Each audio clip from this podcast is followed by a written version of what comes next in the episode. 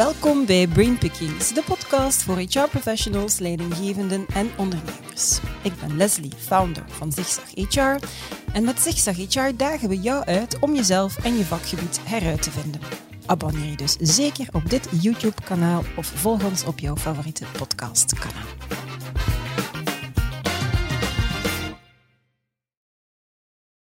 We moeten met z'n allen langer werken als we de pensioenen betaalbaar willen houden, tot we 65 zijn en vanaf 2030 tot we 67 zijn. Werkgevers worden er binnenkort zelfs voor beboet als ze te weinig 60-plussers in dienst hebben, als het van minister Delieu afhangt.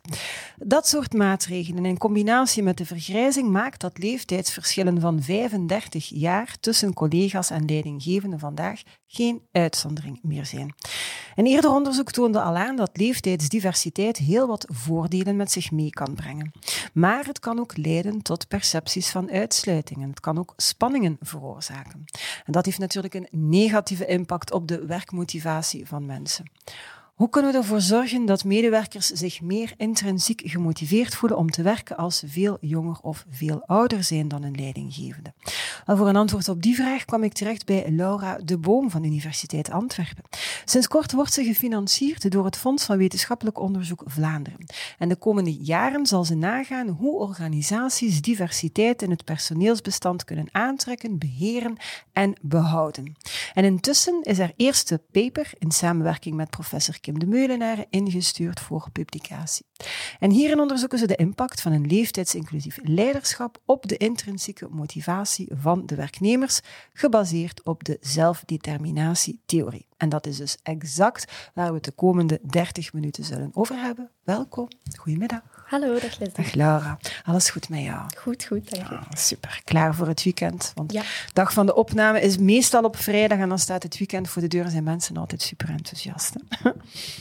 Het is eh, naar aanleiding van de podcast waarin ik in gesprek ging met motivatie-experte Hermina Van Kwayi en Linda Capelle, die erbij was van eh, Bright Plus, dat je eigenlijk hebt uitgereikt naar mij. Want in die podcast hebben we toen een aantal motivatiemythes ontkracht. Onder andere dat intrinsieke motivatie niet noodzakelijk de beste motivatie is. Maar zo stel jij, intrinsieke motivatie is wel heel belangrijk. Meer nog, Verder bouwend op de ZTT-theorie ben je samen met Kim de Meulenaar nagegaan of en hoe leeftijdsinclusief leiderschap de intrinsieke werkmotivatie van teamleden stimuleert. Ik ga misschien eerst vragen van waar jouw interesse in dat thema, diversiteit en inclusie. Ehm, diversiteit en inclusie is echt een hot topic. Mhm. Maar ik vind het zelf vooral ook een heel belangrijk eh, onderwerp. En wat het voor mij zo interessant maakt, is dat iedereen er zich aan kan relateren. Als Mhm. ik bijvoorbeeld aan jou zou vragen om eens na te denken over een situatie waarin jij jou bevoordeeld of benadeeld voelde Mhm. omwille van jouw diversiteit, bijvoorbeeld als vrouw zijnde, ga je zeker rap aan een situatie kunnen Ja. denken. Even goed als ik dat aan een van jouw collega's zou vragen, als man zijnde, zij gaan ook eh, aan een situatie kunnen denken. En als kind had ik eigenlijk altijd een groot rechtvaardigheidsgevoel. En ik heb betrokkenheid altijd heel belangrijk gevonden. Dus ik denk dat dat maakt dat ik vandaag de dag vanuit een moreel en ethisch perspectief Ja. diversiteit en inclusie nog altijd heel belangrijk vind. Maar ook vanuit een sociaal-economisch perspectief is diversiteit en inclusie belangrijk voor organisaties, Ja. omdat het een al dan niet positieve invloed kan hebben. En gelukkig heb ik van Kim de Meulenaar de kans gekregen Ja. om mij daar de komende jaren volop mee En te bezig te houden. Wauw, knap. Hoe kunnen we ervoor zorgen dat medewerkers zich meer intrinsiek gemotiveerd voelen om te werken? Dat is, dat is het vertrekpunt. Hè? En een eerste sleutel is leeftijdsinclusief management. De organisatie kan de leeftijdskloven op de werkvloer aanpakken en werknemers motiveren door het voeren van inclusief beleid. Wat moeten we daaronder verstaan en hoe beginnen we daaraan? Ja. We weten ondertussen uit voorgaand onderzoek dat leeftijdsdiversiteit een tweesnijdend zwaard is. En ik heb het nu over leeftijdsdiversiteit, maar eigenlijk geldt dat ook voor alle andere vormen van diversiteit. Dus ook voor geslacht, eh, etniciteit, seksuele geaardheid en zo verder. Maar we weten dus dat is een tweesnijdend zwaard. Dat wil zeggen dat wanneer er leeftijdsdiversiteit binnen de onderneming of een team is, dat dat soms heel goed kan werken, maar dat kan ook nadelen met zich meebrengen. positief wanneer jongeren en ouderen zich gestimuleerd voelen om met elkaar te interageren, omdat die het wisselen van die unieke kennis en perspectieven echt voor synergieën op de werkvloer mm kan bieden. Negatief wanneer ouderen ervoor gaan kiezen om enkel te interageren met andere ja, uh, leeftijdsgenoten dan. Ja. Leeftijdsgenoten. Um, en dan, dat kan zich doortrekken tot in de kleinste situaties. Bijvoorbeeld op, in de lunchtijd, wanneer dat je dan ziet dat mensen echt in leeftijdscohorten gaan ja. samenzitten. Op dat moment is er wel diversiteit, maar er wordt helemaal geen gebruik van gemaakt. Mm en een inclusief beleid is een goede aanpak, omdat er op dat moment gebruik wordt gemaakt van die bestaande verschillen. Ja. Um, een inclusief beleid zorgt ervoor dat iedereen zich gewaardeerd en gezien voelt. En dat maakt dat ze zich dan effectief meer gemotiveerd voelen om mhm. samen te werken en om kennis uit te wisselen. Ja. Hoe doe je dat nu? Ja, hoe begint je daaraan? Want eh, Iedereen zal wel ja knikken waarschijnlijk, mm als je dat zegt. Hoe begin je daar? Ja, inderdaad. Enkele voorbeelden van een inclusief beleid is mhm. bijvoorbeeld het bieden van flexibiliteit, flexibele mhm. uren. Ook een heel simpel voorbeeld. Als je als onderneming of organisatie bijvoorbeeld zegt, bij ons start iedereen om acht uur. Mhm. Op dat moment ga je bijvoorbeeld ook al heel veel ouders uitsluiten, omdat een van de twee vaak de kinderen nog naar school moet brengen, andere verantwoordelijkheden heeft, waardoor die nooit op tijd gaan zijn. Een tweede voorbeeld is bijvoorbeeld het bieden van doorgroeimogelijkheden. Dat wil zeggen dat je iedereen, ongeacht hun gender, geslacht, huidskleur, eh, de kans tot promotie gaat geven. En een derde voorbeeld is bijvoorbeeld het geven van trainingsmogelijkheden. Dus mhm. iedereen heeft een gelijke toegang tot training nodig. Ook daar een heel simpel voorbeeld. Um, geef niet enkel training aan uw nieuwkomers. Zorg er ook voor dat die training voor degene, moesten ze willen, beschikbaar is. Mhm. Oké. Ja. ja. En wat wel heel belangrijk is bij een inclusief beleid, is een duidelijke visie. En die moet ook goed gecommuniceerd worden. Want uh, onduidelijkheden tussen dat wat de organisatie zegt dat ze voor staan en de werkelijkheid mhm. zorgt er ook voor dat mensen gaan uh, twijfelen aan de oprechtheid van de organisatie, wat maakt dat ze zich dan minder gemotiveerd gaan mm voelen om hun kennis te delen en om samen te werken. En dat maakt dus dat een inclusief uh, beleid constant vraagt om aandacht en duiding op alle lagen, op alle niveaus van de organisatie. Ja, en continu communiceren. En mensen denken altijd in organisaties dat ze te veel communiceren. Terwijl als je met mensen, medewerkers aan praat, dat, dat, dat er te weinig communicatie is. Dus is wel, het lijkt zo evident. En ik heb de indruk dat we daar al jaren over aan het praten zijn. En dat er eigenlijk nog niet zo heel veel verbetering is. Gemiddeld, uiteraard zijn er mhm. heel veel organisaties die daar wel al op inzetten. Um, leeftijdsinclusief management is een eerste sleutel. Teamleiders hebben een tweede sleutel in handen. En zij spelen echt wel een heel belangrijke rol bij het creëren van inclusie, omdat ze gewoon, ze hebben een heel sterke invloed op de ervaring van de medewerkers in hun team. Eigenlijk zijn zij een beetje een, ja, een lens, zo heb je het geschreven, uh, waardoor werknemers naar een organisatie kijken en zij kunnen dan ook heel concreet maken welk gedrag geaccepteerd wordt en welk gedrag dus niet. Kan je daar iets meer over vertellen? Klopt, klopt wat je zegt. Uh, een leider fungeert echt als een rolmodel. Mhm. Die vormen hun team en die kunnen ook door hun gedragingen um, de visie van een inclusieve cultuur ondersteunen. Mhm. En dat kan zelfs losstaand van de al dan niet inclusieve praktijken en policies die er op dat moment binnen de organisatie zijn. Mhm. De leider maakt echt het verschil voor werknemers. Um, er is bijvoorbeeld een andere studie die al heeft aangetoond dat leiders 21% van werknemers hun motivatie verklaart en 24% van hoe ze presteren. Mm Dat toont echt aan dat de leider een verschil kan maken. Mm En um, een inclusieve leider, die gaat inspelen op mensen, die gaat eigenlijk de perceptie van verbondenheid en uniciteit bevorderen. Mm Enerzijds gaat een inclusieve leider inspelen op dat gevoel van verbondenheid, door bijvoorbeeld teamleden um, duidelijk zichtbaar te ondersteunen en mhm. door hen bijvoorbeeld te betrekken bij het besluitvormingsproces. Als het ware gaat de leider een soort mini-community mm creëren binnenin het team, waarin iedereen elkaar ook ondersteunt. Ja. En anderzijds gaat de leider ook inspelen op mensen hun uh, gevoel van uniciteit, mm uh, uniekheid, door bijvoorbeeld mensen ook echt de kans te geven om hun standpunten en perspectieven over te brengen. Ja. En ook tegenovergesteld door ervoor te zorgen dat niemand zich tegengehouden voelt om iets bij te dragen tot een groep. Misschien ook een klein voorbeeld als Ja. dat is.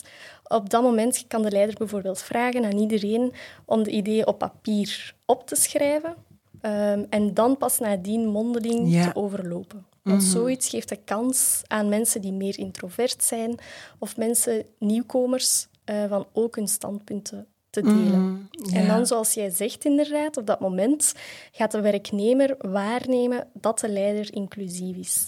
En niet alleen door de manier waarop dat de werknemer eh, wordt gedragen, hoe dat de leider omgaat met de werknemer, maar ook door de manier waarop dat de leider omgaat met alle andere werknemers. En op termijn gaat die werknemer zelf meer inclusief handelen. Ja, die gaat dat gedrag inderdaad ook overnemen. En uiteindelijk is dat dan ook weer een vorm, dacht ik, eh, terwijl ik aan het vertellen was, van hoe die leidinggevende zich gedraagt. Dat is ook een vorm van communicatie uiteindelijk. Hè? Ja, exact. Je, je kunt jij communicatie uitsturen via alle mogelijke kanalen, maar het is het gedrag van de leider die, gaat, ja, die, die dat eigenlijk concreet gaat Ja. maken. En ik onthoud ook van de, de aandacht voor elk individu en zorgen dat elk individu gelijkwaardige kansen krijgt om zijn of haar inbreng dan te doen. Ja.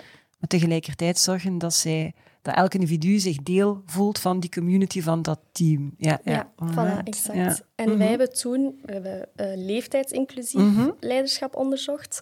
En dat is eigenlijk een leiderschapsstijl die zich focust op het omarmen van leeftijdsdiversiteit Mhm. binnen het personeelsbestand door leeftijdsverschillen te accepteren, maar ook te gebruiken Ja. door die werknemers ehm, te waarderen voor hun uniekheid, voor hun Ja. Mhm. bijdrage en voor hun perspectieven. En dat zorgt er dus echt voor dat mensen zich deel voelen van het team, verbonden voelen met hun collega's, terwijl er toch gebruik wordt gemaakt van die unieke Ja. bijdrage. Mhm, Oké. Verder bouwend op de zelfbeschikkingstheorie van Daisy en Ryan, zijn jullie dan nagegaan of en hoe leeftijdsinclusief leiderschap de intrinsieke motivatie van teamleden stimuleert? Die theorie is ontwikkeld om menselijke motivatie uit te leggen. Daarin wordt dan een onderscheid gemaakt, intrinsieke en extrinsieke motivatie. We hebben het daar toen in de vorige podcast over gehad. Ehm, wanneer, ik ga het je ook nog eens vragen, is iemand intrinsiek gemotiveerd? Iemand is intrinsiek gemotiveerd wanneer ze oprecht intens plezier en geluk ervaren in de job. Mhm. Ook terug om een heel simpel voorbeeld te geven. Iemand die gaat sporten, die gaat sporten omdat hij of zij het heel leuk vindt. Die vinden dat super, die genieten daarvan, die hebben daar plezier aan. Die persoon is intrinsiek gemotiveerd. Iemand die gaat sporten om nadien een beetje meer te kunnen eten of om s'avonds nog wat voor de tv te kunnen sneukelen, maar misschien zelfs helemaal totaal niet graag sport, die doet dat puur voor dat sneukelen.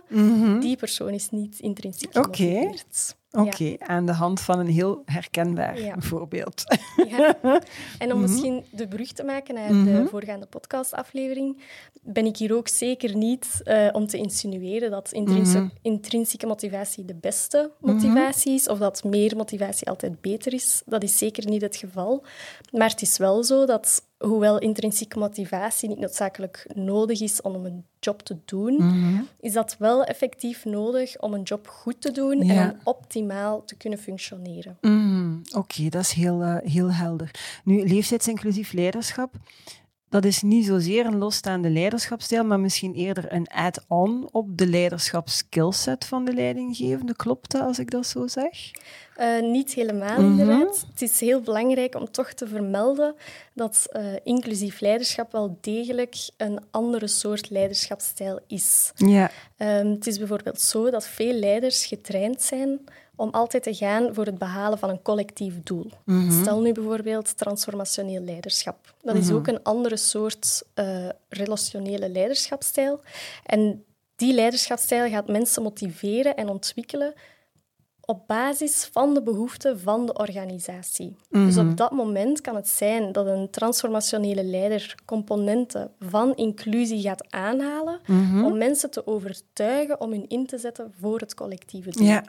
Op dat moment wordt inclusie gebruikt als een soort buy-in Ja. voor het collectieve doel. En dat is compleet verschillend van een inclusieve leider, omdat op- een leider zich echt inzet op het accepteren van die leeftijdsverschillen en er gebruik van te maken. En dan wordt eigenlijk het streven naar inclusie, komt dan de organisatie ten goede. Ja. Dus dat is niet iets dat specifiek wordt gebruikt voor een doel. Mhm, mhm. Oké. Ehm, Uit jullie onderzoek blijkt dat de effectiviteit van leeftijdsinclusief leiderschap dat dat varieert tussen werknemers en vooral dat het afhankelijk is van hoe verschillend medewerkers zijn van een leider in termen van leeftijd dan. Dus dat betekent eigenlijk dat een inclusieve benadering door leidinggevenden nog belangrijker is als die medewerkers onderling minder overeenkomsten hebben met een leidinggevende. Ja, klopt. Als leidinggevenden en HR-professionals dit nu horen, hoe kunnen ze daar dan best concreet mee aan de slag gaan? Ja. Um, wat misschien wel ook nog eerst interessant is mm -hmm. om te weten, is dat leeftijdsinclusief leiderschap altijd een positieve impact had. Dus losstaand van de leeftijd van mm -hmm. de Mhm. leider en van de werknemer, had het een positieve impact. Mhm. Dat wil zeggen, het bevredigde altijd die drie behoeftes en ook hun intrinsieke motivatie. Maar het was inderdaad gebleken, wanneer er een groot leeftijdsverschil Mhm. is, ehm, is leeftijdsinclusief leiderschap nog, veel ja. belangrijker voor het stimuleren van die intrinsieke motivatie. En dat komt eigenlijk omdat mensen een soort leeftijdsgelijkenisvoorkeur hebben. Mhm. Zelfs op een leeftijdsdiverse plek, werkplek, kiezen mensen ervoor om te interageren met leeftijdsgenoten, Mhm. omdat die meestal ook hier, eh, on average, algemeen, ehm, meer ehm, gelijke waarden, normen, ideeën, Dezelfde interesses waarschijnlijk. standpunten ja. hebben. Mhm. En dat maakt dat wanneer er een groot leeftijdsverschil is, mensen meer formele, kortere en onpersoonlijke ehm, gesprekken hebben. Ja, En die aangetaste sociale relatie resulteert ook in een lagere behoefte Mhm. van die drie eh, behoeftes, verbondenheid, competentie en autonomie. En dat maakt dat op dat moment de leider nog zoveel belangrijker is. Ja. Leeftijdsinclusief leiderschap wordt dan heel belangrijk. Omgekeerd, wanneer ze al meer gelijkend zijn, wanneer er weinig tot kleine leeftijdsverschillen Mhm. zijn, hebben mensen al meer gelijke standpunten en zo verder, waardoor ze zich al meer betrokken voelen en meer inclusie ervaren. En die gepercipieerde inclusie maakt dat ehm, de behoeftes, die drie behoeftes, al meer bevredigd Mhm. zijn, waardoor het additieve effect van leeftijdsinclusief leiderschap minder groot is. ja, ja. ja. Als leider is het dus heel belangrijk dat je je daarvan bewust bent, vooral. Ik denk Zie dat je dat dan een groot leeftijdsverschil, ja, ja. dan Mhm. kan je daarop inspelen. Mhm. En na het bewustzijn, wat, wat... Is, is dat dan een bewustzijn? Ja, ik bedoel, je, je gaat het ook zien, hè?